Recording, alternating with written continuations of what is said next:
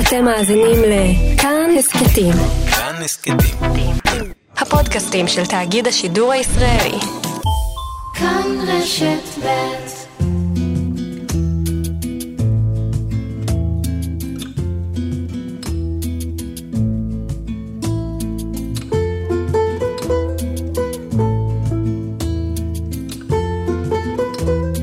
שלום פרופסור עידן שגב, שלום גאולה.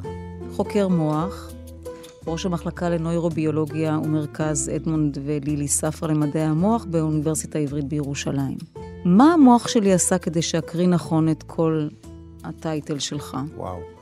הוא עשה הרבה מאוד דברים. קודם כל, יש בו 100 מיליארד תאי עצב. מספר עצום. כלומר, מיליון מיליון כפול 100, זה מספר עצום של מיקרו-צ'יפים. וכל המערכת הזאת כולה ביחד, לאורך, לאורך השנים, למדה לקרוא. Mm-hmm. כי לימדו אותך בכיתה א', שהאות א' זה א' וכך הלאה, אז יש שם הטבעה של הלמידה הזאת. אין לך סרטים במוח, אין לך אותיות במוח, יש לך ייצוגים של הדברים האלה. סמלים.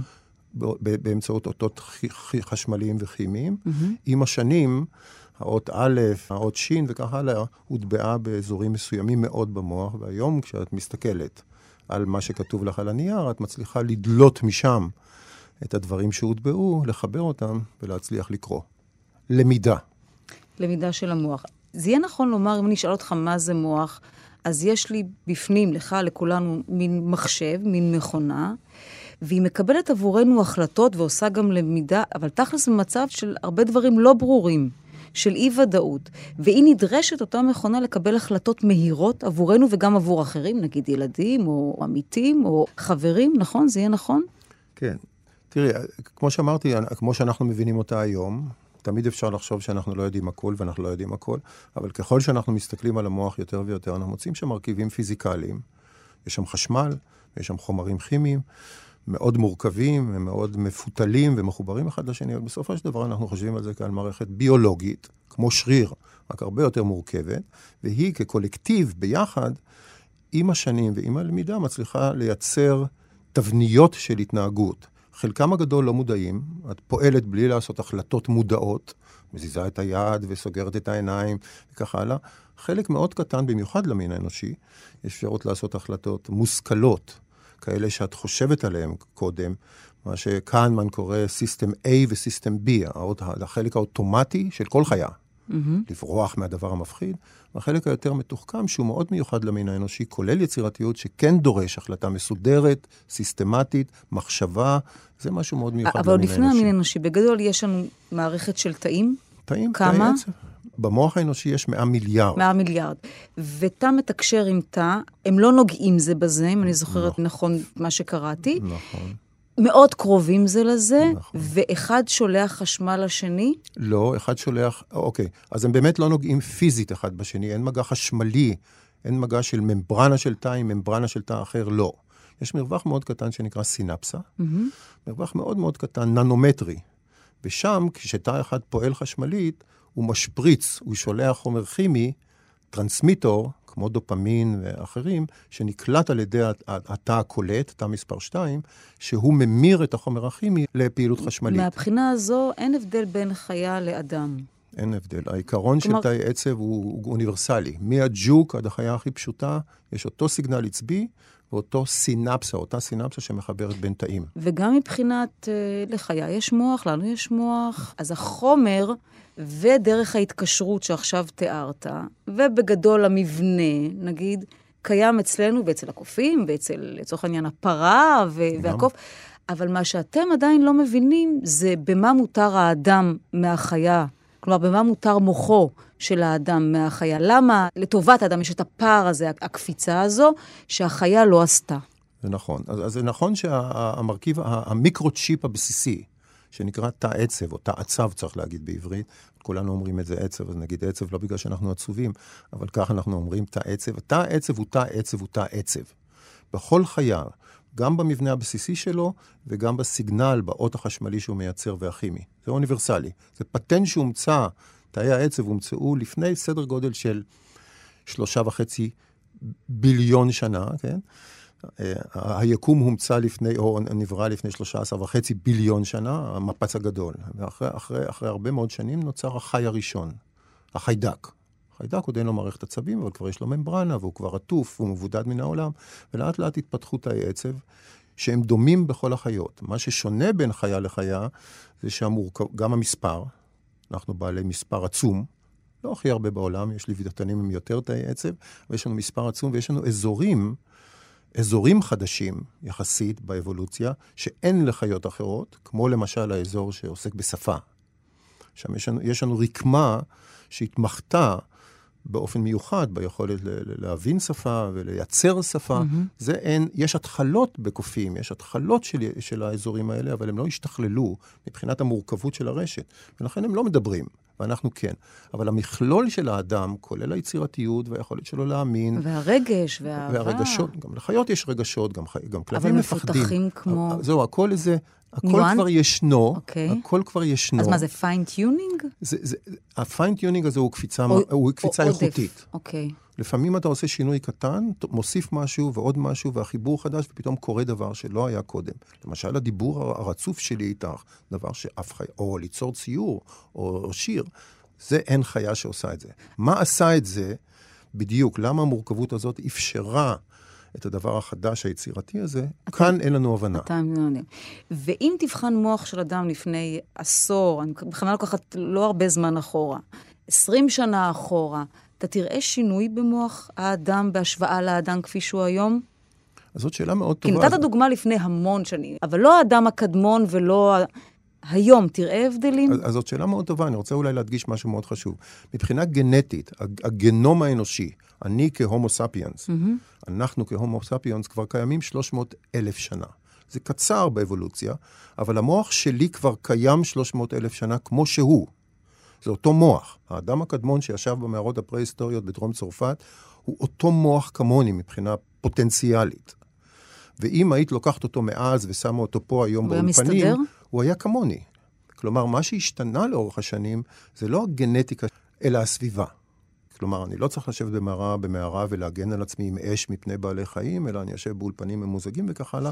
אני יצרתי סביבות שאפשרו לאותו מוח עצמו להתארגן לקראת הדבר החדש שבניתי, והאינטראקציה הזאת בין הסביבה המשתנה בעקבות המוח, הארכיטקטורות והשירה והטכנולוגיות והאייפון והטלפון החדש, מאפשר למוח לבטא ביטויים חדשים עם אותה רשת. אז אם את שואלת אותי, האם המוח שלך לפני עשר שנים הוא אותו מוח כמו היום, אני מקווה שלא, לא במובן הבסיסי, אלא במובן של הקשרים שהרשתות יצרו ביניהן, וזאת למידה. כשאת לומדת משהו חדש, אותה רשת עצמה יוצרת קשר חדש בתוכה כדי לקדד את האינפורמציה החדשה שאת צריכה ללמוד. אולי פחות. אני אגיד לך למה. הזכרת מסכים, לצורך העניין, נגיד אייפונים, מחשבים. המכשירים האלה, מדברים עליהם הרבה בהקשרים של אה, קרינה למוח, ומה זה עושה למוח, ובהייה במסך, וכאבי ראש, ומחלות. שאולי זה מייצר. המכשירים האלה חוסכים לי חשיבה. כלומר, אם לצורך העניין פעם הייתי צריכה לזכור המון מספרי טלפון כדי להתקשר למישהו, או דרך לאיזה מקום כדי להגיע אליו. היום יש לי ווייז, היום יש לי אנשי קשר. יש חלקים במוח שלי שלא מתאמצים יותר באגפים האלה, לא? זה כן, זה מזכיר לי שנסעתי פעם uh, בפריז. הייתה שם נהגת, אה, נהגת טקסי. מונית. אה, מונית, כן? והיא שאלה אותי, אמרתי לה, אולי תגיעי כאן לסן מישל, שזה היה בסך הכל קילומטר משם, וזה רחוב מרכזי בפריז. היא אמרה, רק רגע, אני כבר לא זוכרת כלום. ווייז. זה די הדהים אותי, כי היא נהגת בפריז. אז כן, אז אתה יכול לפנות, למשל במקרה המסוים הזה של Waze ושל ה, של התוכנות של הנביגציה, של, ה, של ההתמצאות במרחב, יש לנו אזור במוח שתפקידו, זה נקרא היפוקמפוס, להתמצא במרחב. הוא, הוא בונה את מפת העולם, ואת מפנה אותו, זה נכון. אבל אני מפנה אותו למשהו אחר, או שהוא כבר, הוא מתנוון? הוא לא מתנוון. אין, אין מצב שהמוח מתנוון. זה לא נכון שאנחנו משתמשים בעשרה אחוז מהיכולות של המוח, כמו שאמרה לי המורה בכיתה א', אין, אין התנוונות, אלא יש הפנייה, וזה היופי במוח. אז, אז עכשיו ההיפוקמפוס לא מתעסק יותר בזיהוי דרכים. מה הוא עושה? הוא מתעסק למשל בלמידת שפה נוספת, או התמצאות בקשר רגשי או חברתי. המוח הוא כל כך ורסטילי, כל כך דינמי, שהוא יכול להפנות משאבים, כאשר אין, אין מצב, ש... אלא אם כן הוא מת. אלא אם כן יש שטף דם, אבל אחרת המוח תמיד פעיל והוא תמיד מוצא לעצמו עיסוק. אז זה טוב שהסביבה נ- משתנה? נהדר. היא מפנה את החלקים האלה שפעם עשו X, לעשות פוטנציאלית Y, לגמרי. או X פלוס? תראי, פעם הייתי צריך לרוץ, ואני לא יודע, והייתי פיזי יותר, והיום אני נוסע במכוניות וקטנועים, אז, אז ברור שחלקים שהמוח, התנועתיים, מאוד מאוד פחות פעילים מאשר כשהייתי רץ בין העצים בתור אדם קדמון, כן? בסדר, אז יש לזה כמובן מחיר. מסוים, אני פחות פיזי וכך הלאה. מצד שני, הפניתי את זה לזמן פנוי יותר, ליצירתיות חדשה יותר, למחשבות על העתיד, על פילוסופיה, על רדיו. היופי של האדם, היופי של האדם, זה שהוא זז כל הזמן למקומות חדשים. אם הוא, אם הוא רוצה להיות יצירתי, אם הוא מתעקש להישאר במקום הידוע, הוודאי, אז הוא לא אז, מתפתח. אז גם המוח שלו לא, לא מתפתח. בוא נדבר טיפה על המחקר שלך. אתה חוקר בעצם רק את קליפ... רק, כן? אז זה, המון, קליפת המוח, זה יהיה נכון? מחקר המוח שלך לומר? אה, כן, אני מתמקד בקליפת המוח, שהיא הדבר החדש באבולוציה ומיוחדת ליונקים. העובדה שמתחת לגולגולת שלנו יש את השני מילימטר רקמה המפותלת הזאת שכולנו מכירים, היא חדשה באבולוציה, היא המעניינת. כמה זמן נוצ- היא קיימת? 200 מיליון שנה. רק 200 מיליון שנה. מה היא כולל עושה? אצל עכברים וקופים ופרות, אצל היונקים. והיא מאוד מיוחדת אצלנו במיוחד, כי שם השפה ושם היכולת היצירתית וכך הלאה, זה מעניין לחקור אותה. אבל כמובן שאנחנו, אני, אי אפשר לחקור את הכל. אז אני מתעסק בקליפת המוח, אבל כמובן שאנחנו מנסים להבין אזורים אחרים, כמו ההיפוקמפוס שהזכרתי, או אזורים רגשיים עמוקים יותר בתוך המוח. קליפת המוח היא חדשה ומעניינת. זה נקרא נאו-קורטקס, הקורטקס החדש, הקליפה החדשה. אז אותה אני חוקר, כן. כמה שנים אתה כבר אה, עוסק בקליפת המוח? מאז שנולדתי. מאז שנולדת. כן, תיאורטית זה בתור לא. חוקר, בתור חוקר אני כבר 30 שנה עסוק בתאי עצב וברשתות העצביות שמרכיבות את הקליפה האנושית וגם של עכברים. אני מניחה שיש כל הזמן התקדמות במחקר, אבל יכולה גם תיאורטית להיות, אה, אה, יכול להיות מצב, יכולה להיות נקודה שבה תגיד, מפה אי אפשר להתקדם יותר? מדען לא יכול לחשוב ככה. מדען הוא פנטזיונר מגלומן. והוא חושב, ואני חושב, שאנחנו יכולים להבין את הכל. השאלה היא מה זה נקרא להבין את הכל, אפשר לדבר על זה, מה זה בכלל להבין. אבל אני חושב שאנחנו לא נעצור, במיוחד ובעיקר מכיוון שאנחנו צריכים לפתור מחלות מוחיות. שיש מה, מאות כאלה. 560 חמש- מחלות מזוהות עם שמות של מחלות מוחיות, מאוטיזם, אלצהיימר וכל מה ש... פרקינסון וכל מה ש... ובעיות שינה ודיפרסיה וכל מה שאת רוצה. זה מחלות נוראות, שאנשים סובלים מהם סבל עצום, ותפקידי כחוקר, חוק, אנחנו, זה להבין את המוח, לא רק בשביל להבין אותו במצב היפה והמקסים שלו והיצירתי שלו, אבל להבין מה, להבין למה זה קורה, או למצוא את התרופה, כי אחרי שתבין למה זה קורה, אם תבין, ונקווה שתבין, לא בהכרח תצליח למנוע את זה. נכון. אבל אי אפשר למנוע את זה בלי להבין את זה. כלומר, עד היום בעצם מה שעשינו, או חברות התרופות עשו, הם ניסו, זה ניסוי וטהייה, או תהייה. ניסו וניסו תרופה מסוימת אצל עכבר, זה עבד לא רע, ניסו אצל אדם, לפעמים זה כן מצליח או לא. זה לא נקרא, לה, זה לא נקרא להבין את המחלה. זה נקרא להתערב בה ולקוות שזה יצליח. הכיוון שלי ושל אחרים זה לנסות להבין את המנגנון במצב הבריא של, המח... של החיה, העכבר, באותו מנגנון לראות מה השתבש. ואנחנו משתמשים במודלים מתמטיים, נדבר על זה אחר כך, מה השתבש בחיה, בעכבר שהוא הפך לאוטיסטי או פרקינסוני, וה- וההבנה הזאת לפחות תכוון אותנו לעשות רפואה הרבה יותר מושכלת, לא מקרית, אלא שתהיה מכווננת לאותו מנגנון שאני מקווה שאני אמצא שקשור למחלה המסוימת הזאת. מה קורה אם אפשר לנסח איזשהו כלל במחלה של המוח? את, משהו ב, ב, בתקשורת בין התאים שעליה דיברת קודם, אני לא יודעת אם המילה נכונה היא משתבש, אבל מה, מתחלק אחרת? הם עובדים אחרת? הם, הם פועלים אחרת, אה, לא תא מול תא, אלא בקבוצות אחרות? בדיוק, בדיוק. אני חושב שאולי הדוגמה הכי טובה לתת זה, זה פרקינסון. פרקינסון היא מחלה שאנחנו מבינים היטב, לפחות מבחינת uh, טביעת האצבע שלה. כשמסתכלים במוח באזור מסוים, הפעם לא בקליפת המוח, אלא עמוק במוח, מה שנקרא הגרעינים העמוקים, חולה פרקינסון, רשת מסוימת, מאוד מסוימת, משהו כמו מיליון תאי עצב, שבאופן נורמלי, לא חולה, הרשת הזאת פועלת בצורה מאוד לא מסונכרנת. כל תא יורה ועושה את הפעולה החשמלית שלו באופן ספונטני יחסית ולא יחד עם האחרים. אז הוא יורה כל אחד, יורה חשמלית, כל אחד בפני עצמו, ויש שם איזו תזמורת עם הרבה מאוד כלים, נקרא לזה ככה. Mm-hmm. במצב של פרקינסון, אנחנו לא מבינים למה.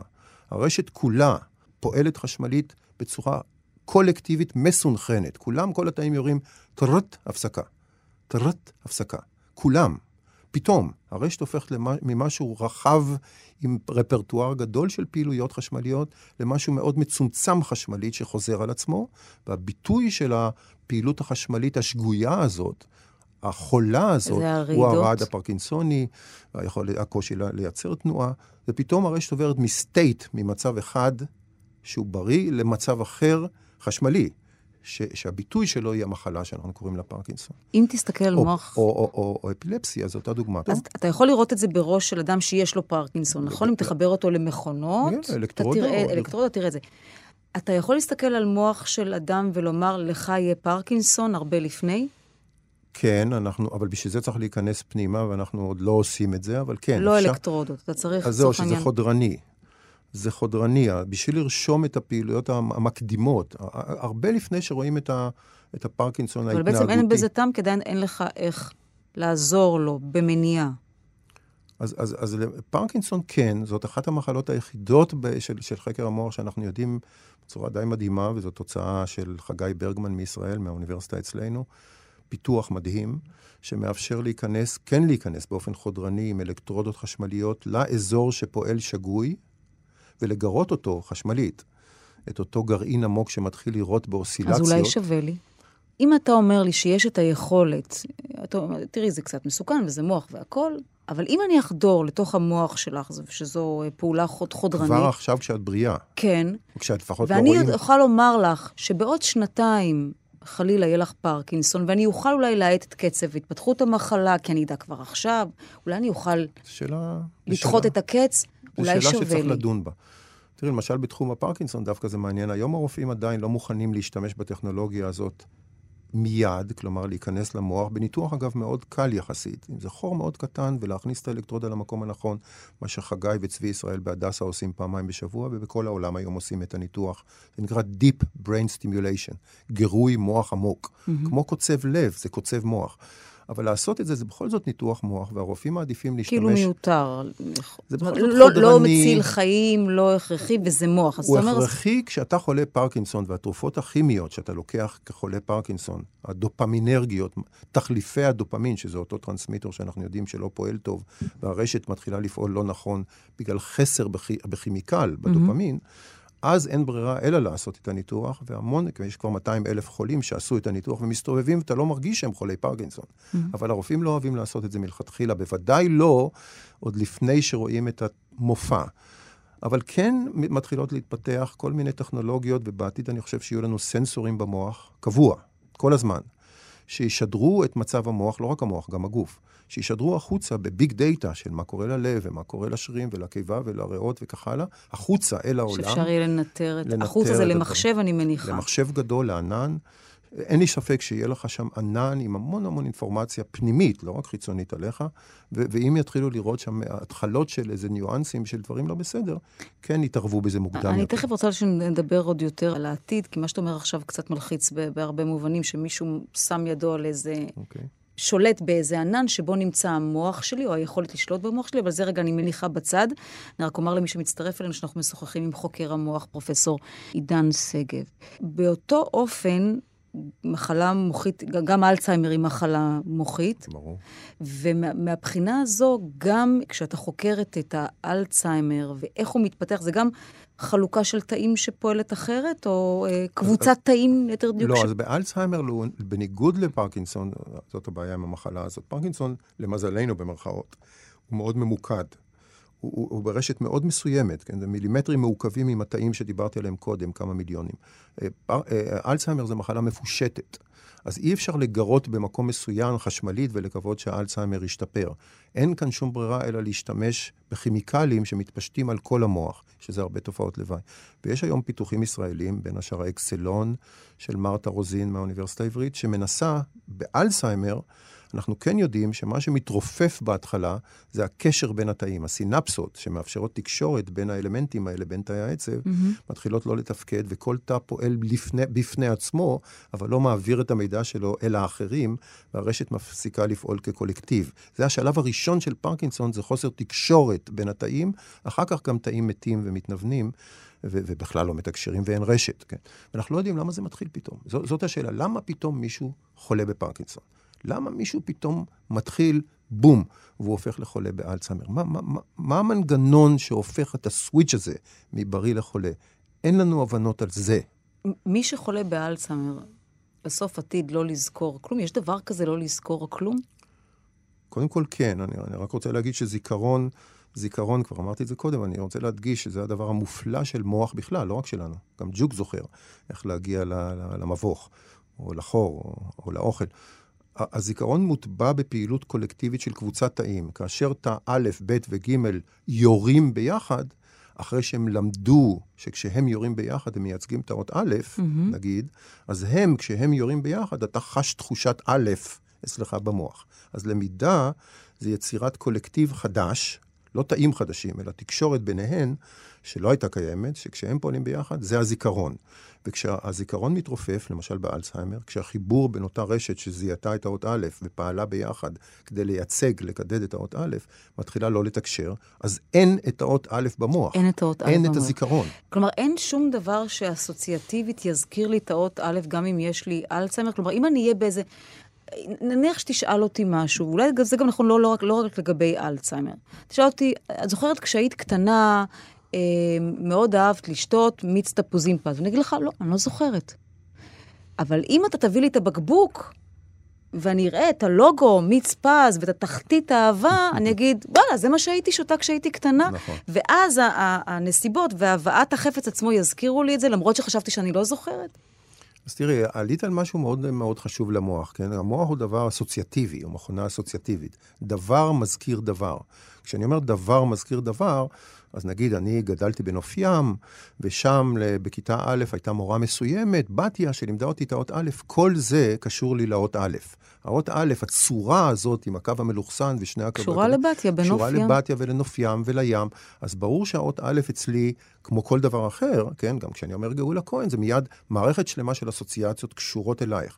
אז, אז אי אפשר להגיד שהאות א' היא רק הצורה של האות א', אבל אם הרשת הסופית, זאת שכשהיא פועלת יש לך תחושת א', ואתה יכול להגיד, הנה זאת א', היא הרשת הסופית הזאת, היא מתרופפת, נהרסת, התאים מתים, אז כל האסוציאציות האלה לא, לא ידליקו. אתה יכול להגיד, זה עומד לי על קצה הלשון. מה שעומד לי על קצה הלשון, אני, אני, זה מזכיר לי משהו, אבל אני לא יכול להגיד א', כי אין לי את הרשת שאומרת א', אז אין לי זיכרון של א'. למה אמרת גאולה כהן? מכיוון שגאולה, סליחה, אמרתי גאולה כהן. כן, זה הנה, זה מעניין. רואה, הנה, הנה, זה מעניין. כן. נכון, כי מכיוון התכוונת ש- להגיד אבן, אבן, אבל אמרת- כהן, וזה נכון. קורה להרבה אנשים. בהקשר הזה כן. דווקא? זה מעניין. אז אני מניח, הנה, זאת אסוציאציה. קודם כל, גאולה זה השם משותף. בגלל כן? השם עכשיו, הפרטי. גוהן היא, כמובן, כהן הייתה דמות אה, מאוד רדיופונית. אבל הנה, אתה מתכוון. למשהו, ואתה אומר משהו אחר, נכון. שאפשר להסביר אותו, אבל המוח לא סוף בזכות לעשות... האסוציאציות האלה. אז במקרה שלי כנראה, אני צריך לעשות אינטרוספקציה בשביל להבין מאיפה צצה לי גאולה כהן, אבל כנראה, קודם כל ההקשר של גאולה, אז יש ברור. לי שם מקום שיש גאולות בו. כן, שהוא לא אין בו הרבה, ולכן אולי זה אולי יש מביא את זה. בודדות, אני כן. באמת לא מכיר הרבה גאולות האמת, כן. אולי שתיים, שלוש.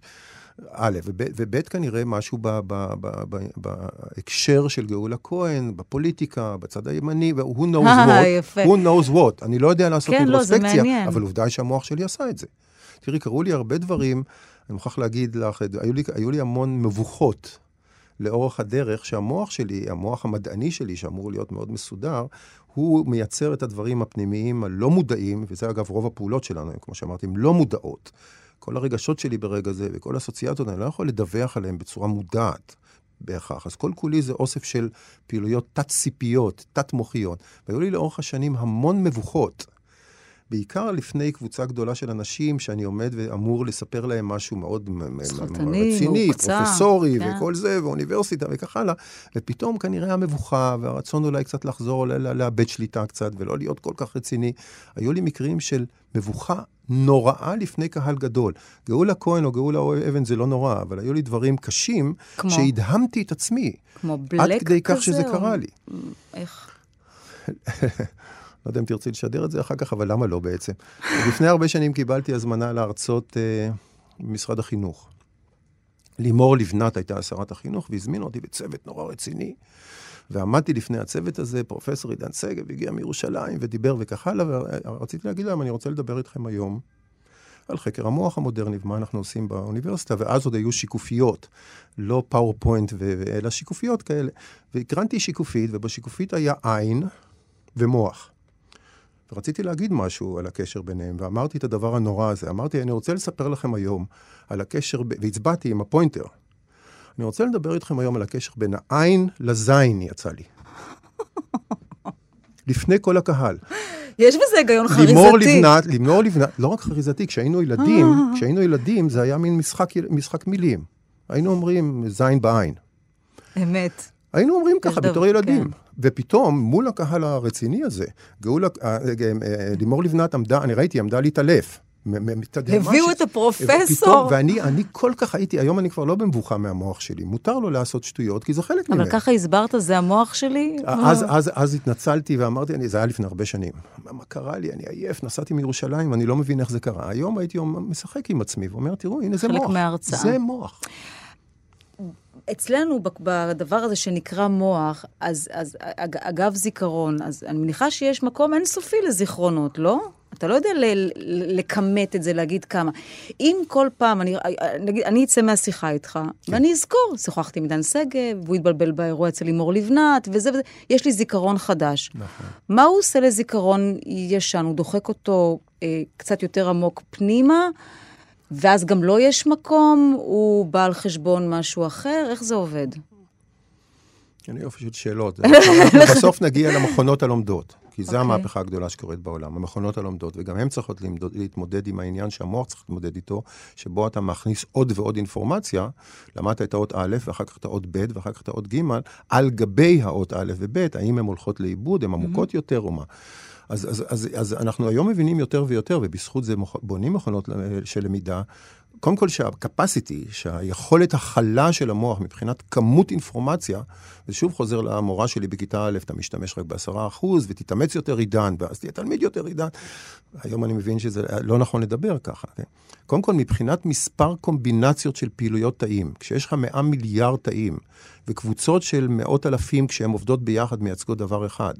ואותם מאות אלפים, אבל לא בדיוק אותן מאות אלפים, חלק מסוים מהם, כשהוא פועל עם קבוצה אחרת, מייצג את האות ב'. Mm-hmm. זה לא שהתא שלי, תא אחד, תא עצב אחד, עושה רק א', ו- וכש- וזה מה שהוא עושה בחיים. כשהוא עובד עם תא ב', אז הוא מייצג את האות א', וכשאותו תא א' מייצג, עובד עם תא ג', הוא מייצג את האות ב'. אז יש, הוא רב-תכליתי. Mm-hmm. ומבחינת כמות האפשרויות של לזכור אלמנטים בעולם, הוא כל כך עצום.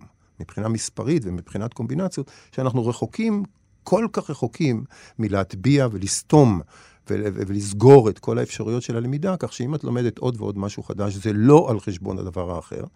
כמובן, יש לנו גבול סופי, יש לנו מספר סופי של תאים, ולכן יש לנו מספר סופי של מצבים, אבל זה כל כך רחוק מכמות הזיכרונות שלנו לאורך החיים, שאנחנו לא נסתמים. אלא אם כן יש לנו אלצהיימר. או, או מחלות מוחיות או אחרות, מחלות או מוחיות קשיים שנולדים איתם מבחינת אה, המוח בתנאי הבסיס שלו, נכון. או פגיעה מוחית מאוד קשה, נכון, שלא נכון. מאפשרים את הפעילות הזה. או, אבל או יש, יש גם את השאלה של לשלוף.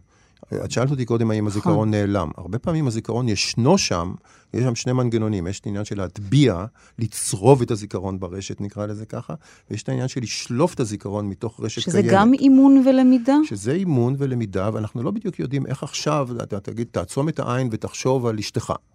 איך אני, איך אני מעלה אותה? איך אני יוצר פעילות עצבית שקשור, שקשורה לדבר המסוים שאותו אני רוצה לזכור? איך, איך אני מגיע, איך אני מתעל את עצמי ברצון? אני רוצה עכשיו לזכור את אשתי, והופ, אני רואה את הפנים שלה, אני רואה את הדברים האחרים. זה לא ברור לנו העניין של השליפה.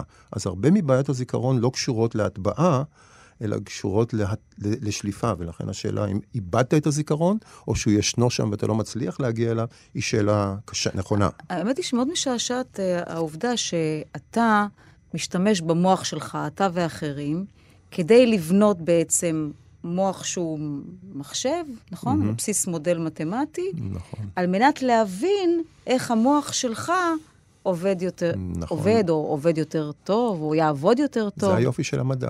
תראי, המדע הגיע ל... עוד מעט נדבר אבל למה על- שתצליח? אם הבסיס המוח שלך, אתה מניח, הוא X, ואתה רוצה לפתח משהו יותר משוכלל, למה שתצליח במשימה? לא בהכרח יותר משוכלל, אני רוצה להבין את עצמי. והשאלה הטובה, השאלה הפילוסופית, האם המוח יכול להבין בעזרת עצמו, האם הכלי שאני משתמש בו יכול להבין את עצמו? הרי זה מה שאני רוצה, להבין את עצמי. אז קודם כל, יש לי דוגמה, אנחנו הבנו את הגנום. כן. הגנטיקה היא זאת שיצרה את המוח שלך. יש שם חוקים גנטיים, יש שם סליל כפול, יש שם DNA. אנחנו מבינים מאוד לעומק איך ה-DNA הזה, כשהוא עובד, מייצר רשתות אז לב אתה ומוח. מניח שתצליח. אז אני מניח שנצליח בעזרת כלים שפיתחתי ובעזרת הקולקטיב, לא לבד. פיתחתי כלים לח, לח, לחקור את המוח, לא רק מתמטיים. אלקטרודות להכניס, רישומים, אנטומיה, פטנטים מדעיים. הרי הוא עושה את מהפכות העולם, המדע, נכון? הוא זה שמשנה את העולם, כולל להבין את המוח. עד כדי כך שאני מבין את המוח, רחוק מלהבין אותו לגמרי, שאני בונה מכונות אוטונומיות. על עקרונות למידה שלמדתי ממנו, וזאת הוכחה לא רעה, שהבנתי דברים כאן, וייצרתי מכונות שדומות לי במידה מסוימת, ומתנהגות ולומדות בעולם, מתחדשות ומשתנות והופכות לאינדיבידואליות. זאת הבנה. או פרקינסון, הבנתי שיש שם פעילות חשמלית כזאת, ו- ואני יודע מה זה חשמל, ופיתחתי אלקטרודות חשמליות שיודעות להתערב שם, גם בלב וגם במוח. זאת הבנה. לא אומר שזו הבנה אולטימטיבית וסופית, ואפשר לשאול האם זה רק מכונה, ואם יש שם עוד אז זהו, דברים. זה מה שאני רוצה לשאול פה, שאלות, פרופסור שגב. אתה, אתה נגיד שאתה בונה מכונה, נגיד שאתה מצליח גם במסיבה. זו מכונה, זאת אישיות, היא, היא, היא, היא, יש לה תודעה משלה, היא יכולה לעבוד מבלי שתפעיל אותה, ייצרת מוח והוא יעבוד לבד, רק אין לו גוף. לא, אז, אז, אז חשוב להדגיש כאן את העניין של הגוף, כי המוח, בפני, המוח שאנחנו בונים, לא דיברנו על זה, בפרויקט המוח הכחול, The Blue Brain Project שאנחנו בונים בז'נבה, אני רק חזרתי לפני כמה ימים מז'נבה, המטרה שלנו זה לחכות בעזרת uh, גישות מתמטיות, מכיוון שיש שם חשמל וכימיה, ואני יודע לכתוב משוואות חשמליות וכימיות שמחקות את התהליכים עצמם, אני, אנחנו נבנה חיקוי, סימולציה של רשתות עצבים עד כדי המוח הכולל. יום אחד זה יהיה לנו במחשב מוח שלם. אבל המוח השלם הזה, או זה שאנחנו מתקדמים בו הרבה, ואנחנו מתקרבים בעוד כמה שנים, יהיה לנו מוח שלם במחשב של עכבר. עכבר יש לו פי אלף פחות תאים מלנו, mm-hmm. אז במובן מסוים הוא יותר פשוט. אז יהיה לנו במחשב, של, במחשב עכבר מלאכותי, שיש שם פרקינסון ויש שם פעילויות זה חשמליות. מאוד, אני אוכל להגיד לילד, אתה רצית עכבר, אתה תקבל אותו ב... כן, אבל כאן, מחשב. כן, אבל אני, אני צריך להדגיש את העניין הזה של המחשב. המחשב הוא בכל זאת מכונה סטטית, והכוח המיוחד של המוח שלנו הוא החיבור שלו אל הגוף ואל העולם. אל הסביבה. אל הסביבה.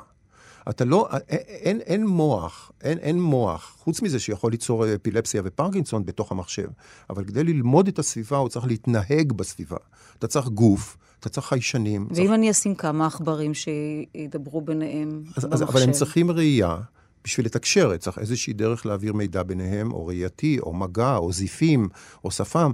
החושים שלנו mm-hmm. מאפשרים לנו לסגור את המעגל בין המוח הרוצה להשתנות הזה, הפלסטי, הדינמי, שרוצה ללמוד, אבל הסביבה היא זאת שנותנת לו את הכלים ללמוד בזכות תנועה. אתה צריך לזוז פיזית, לנוע ימינה, לנוע שמאלה, למעלה, למטה, ו- ולכן המחשב הזה, הסטטי שיושב, הבלו התשובה בריין, היא לא. אבל אנחנו בונים היום אבטרים שיתחברו למחשב הזה. המחשב הזה, הסימולציית מחשב, תקבל אינפורמציה מגוף אבטרי, גוף עכבר או גוף אדם, וירטואלי, וכשזה ייסגר, הגוף הווירטואלי עם עיניים ועם אוזניים ועם מגע, פלוס המחשב, והם ייסגרו אחד עם השני, כי המחשב יזיז את הגוף, וכשהגוף יזוז אז העולם משתנה, וכשהעולם משתנה זה יחזור למחשב, אז ייווצר אדם מלאכותי, רק, רק שזה יהיה סגור.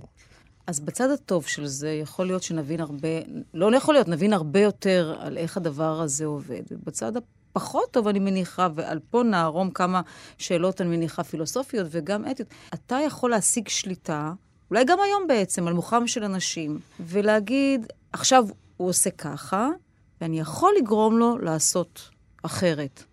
ואני גם יכול לגרום לו לחשוב שהוא עשה את זה באופן עצמוני. נכון. זה נכון מאוד.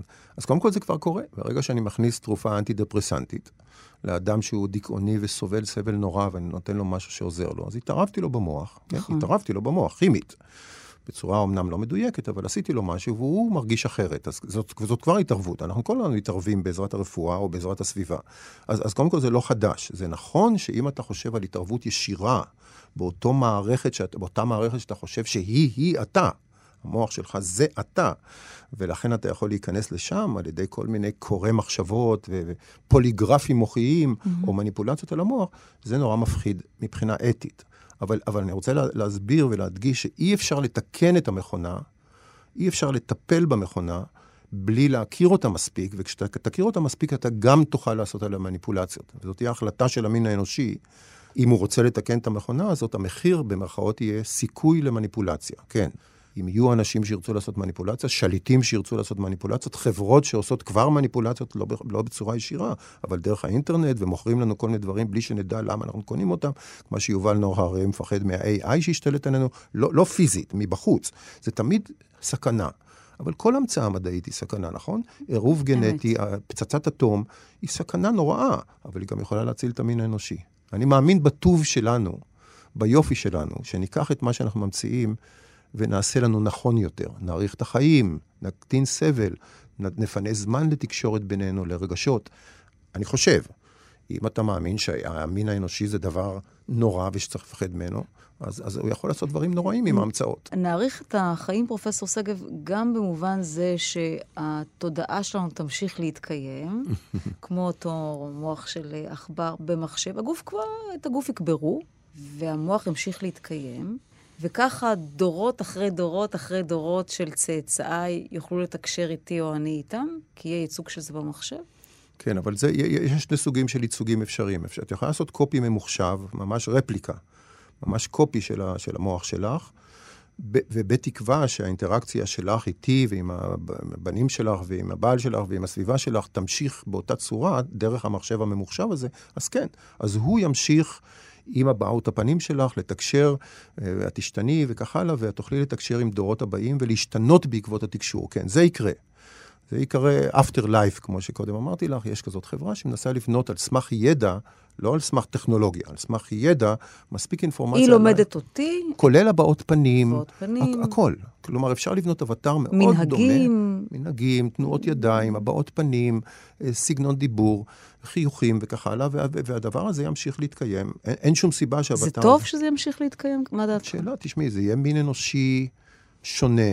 כלומר, אפשר לדבר גם על הגוף, כי אני חושב שגם את העניין הזה נוכל לפתור, כי אני לא חושב שמוות זה, אני חושב שמוות זה מחלה. תלוי באיזה גיל אתה רוצה לשמר את העסק. זה נכון. מאוד מתקדם, אני לא מעוניינת. לא בטוח. אם עוצרים עכשיו אולי. יכול להיות, בדיוק, על זה אפשר כן. לדבר, ויש תחום מאוד מרתק, שפעם אולי צריכה להזמין כאן מישהו שמאוד מת, עסוק בלונגביטי, הארכת חיים. יש לנו היום טכנולוגיות מדהימות. להאריך את החיים, אבל לא נדבר על זה, כן. גם זה לא תחום ההתמחות שלי. כאן אנחנו מדברים על הארכת חיים במובן הדיגיטלי של mm-hmm. המילה, לא במובן הפיזי של המילה. וכן, אני חושב שזה יכול להיות מדהים שלנכד של הנכד, הוא, הוא ידע לא רק מי זה הייתה הסבתא, אלא יוכל להתייעץ איתה, לשאול את השאלות, את חוכמת החיים שלה.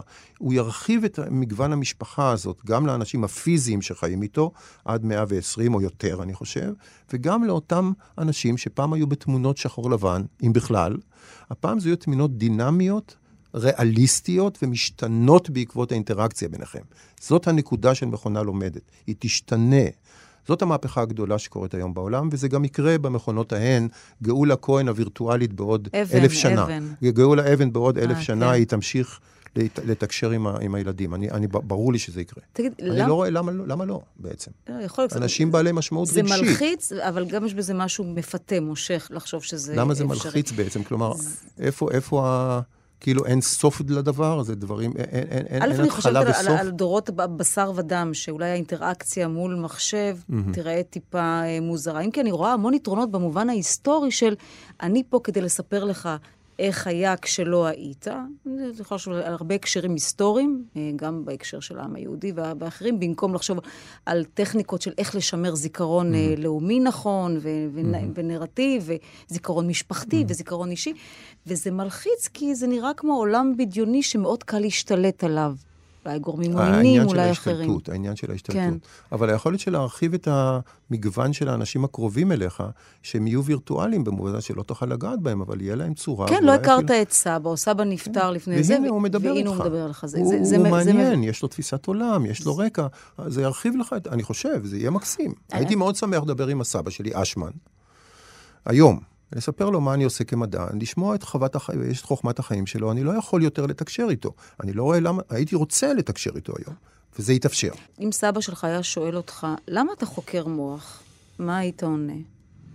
הייתי עונה לו שאני חוקר מוח מכיוון שבאתי, כמו שהוא יודע טוב, ממערכת מורכבת של יחסים בתוך המשפחה, של סבל. ראיתי סביבי הרבה סבל, גם בתוך המשפחה וגם... באתי ממשפחת אומנים ובוהמיאנים. אתה ו- רוצה לפרט? כן, סבל... כן, בשמחה, כן. תראה, אני חייתי בעין כרם עם, עם אנשים ש, ש, שלא היו להם גבולות בדיוק ברורים של משפחה, אה, קצת התברדקויות והתפרעויות, ואנשים שהיו שיכורים. במובן הבוהמיאני של הבוהמיאני, המילה? השתוי, הדסטרוקטיבי, קצת סמים. ראיתי סבל גדול סביבי של אנשים קרובים למשפחה, כולל ההורים שלי.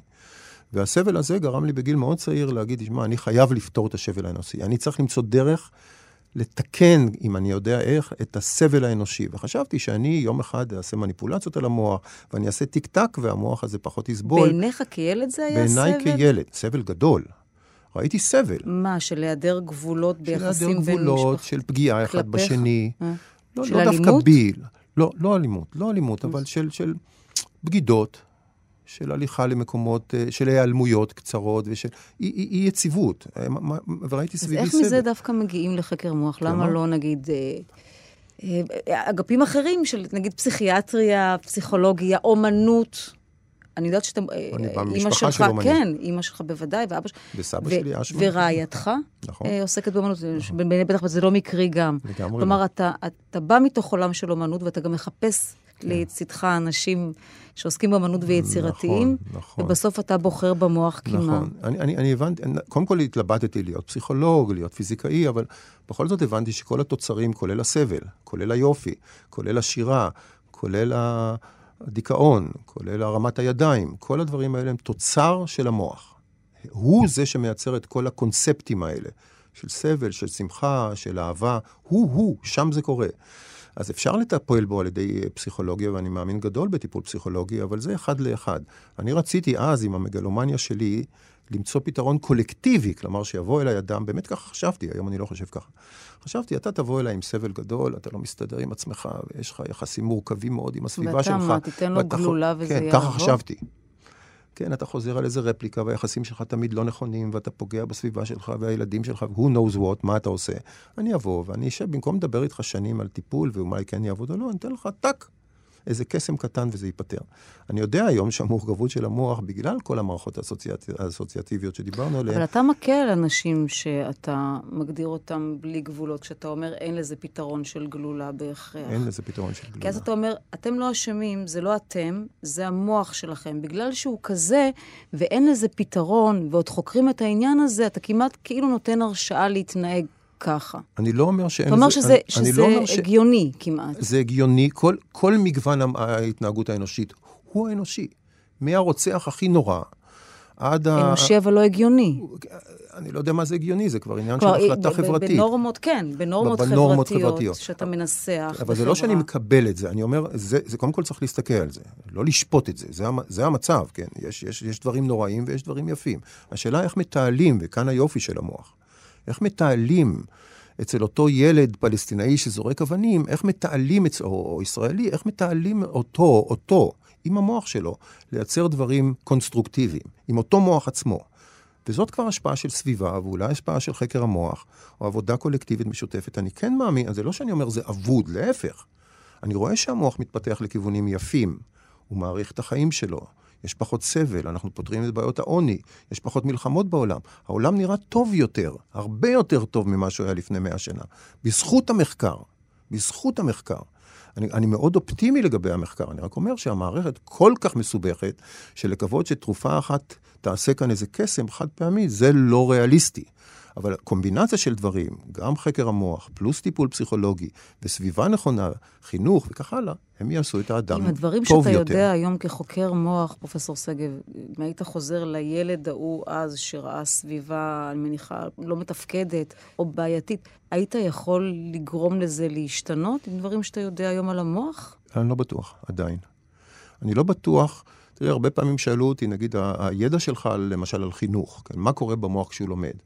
איך זה מגיע לבית הספר, באופן פרקטי? מה אתה יכול לעשות עם הידע שלך כדי לת... ללמד ילדים אחרת? זה מתחיל לקרות, שההבנות מכניסטיות של המכונה הזאת mm-hmm. מאפשרות לנו לכוונן טוב יותר תהליכי לימוד או תהליכי טיפול, כולל תרופות פסיכיאטריות, כן, זה כתוצאה מהמחקר. אבל לשאול אותי אם אני היום הייתי חוזר לאחור בתור ילד, אבל עם הידע שלי בתור חוקר מוח, והייתי אומר להורים שלי או לסביבה שלי, תשמעו, יש לי בשבילכם א', ב' וג', תתנהגו אחרת בעקבות חקר המוח, אני עוד לא שם. לא. יש, אני מניחה, כמו בכל תחום, תחרות, בוודאי גם אצלכם. נתת המון קרדיט לכמה קולגות שלך, שניים, שלושה, במהלך השעה האחרונה. אם תראה פתאום שאחד מהם, אולי אפילו זה שעוסק איתך במהלך המחקר בלוזן, אני חושבת ש... נכון? בלוזן, בז'נבה, כן. הוא יגיע לפניך להבקעה הזו. Mm-hmm. איך תגיב? או איך המוח שלך יגיב? אני, אני חושב שאני אדם עם... בלי אגו. יש בי משהו, בלי להיות שוויצר, נדיב. אני, אני, אני, באמת נד... אני באמת רוצה שאחרים יעשו את העבודה יחד איתי, אני מאוד אשמח לתרום, אבל אין לי איזו הרגשה שאני פה במרכז העניינים ואני... לא תעדיף שאתה תגלה לא, את ה... באמת? לא. קודם כל זה, קודם כל זה לא, לעולם לא יהיה אני, יש קולקטיב. ותפקידי, אני חושב, בתור אדם, אני חושב, פוזיטיבי, לא, אתה אומר, אבל זה הצליח להגיע להבקעה בפרקינסון, והיא הצליחה באלצהיימר וזה.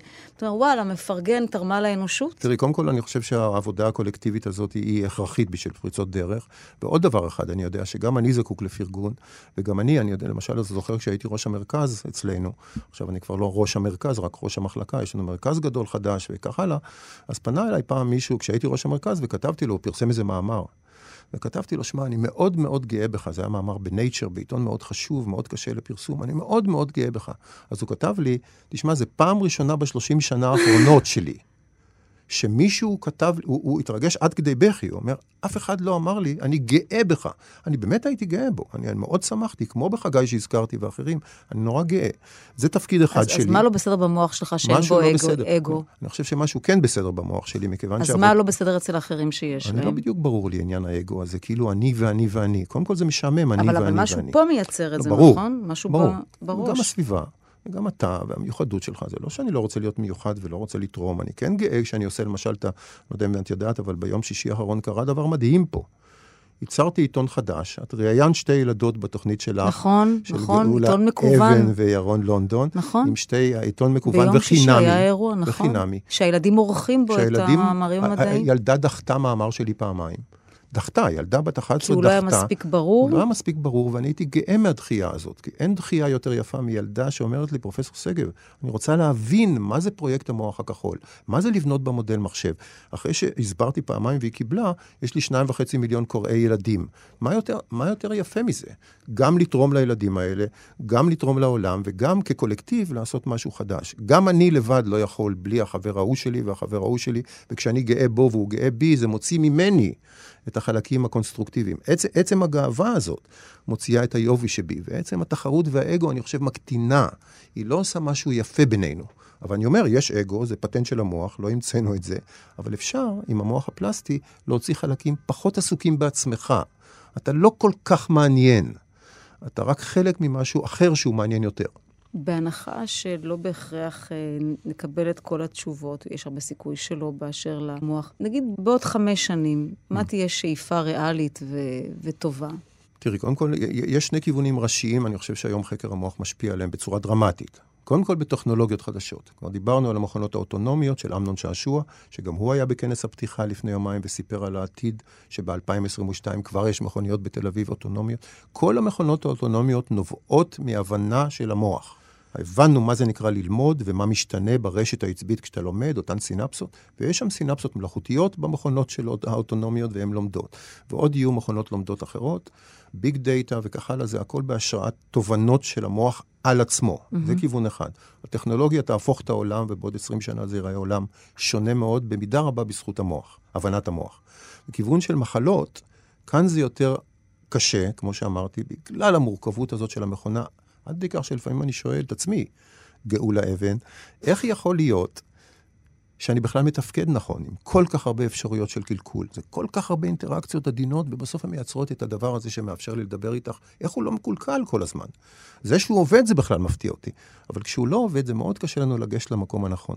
אני כן חושב, כמו בפרקינסון, שגישות כמו גירוי מוח עמוק, והבנה דרך המחשב ורישומים עם סנסורים, mm-hmm. פלוס תרופות ספציפיות, כן יקדמו אותנו. זה ייקח זמן, זה ייקח אז זמן. אז אולי לא בעוד חמש שנים. פרופסור לא עידן שגב, תודה רבה לך, אני מקווה שלא אכלתי לך את המוח יותר מדי.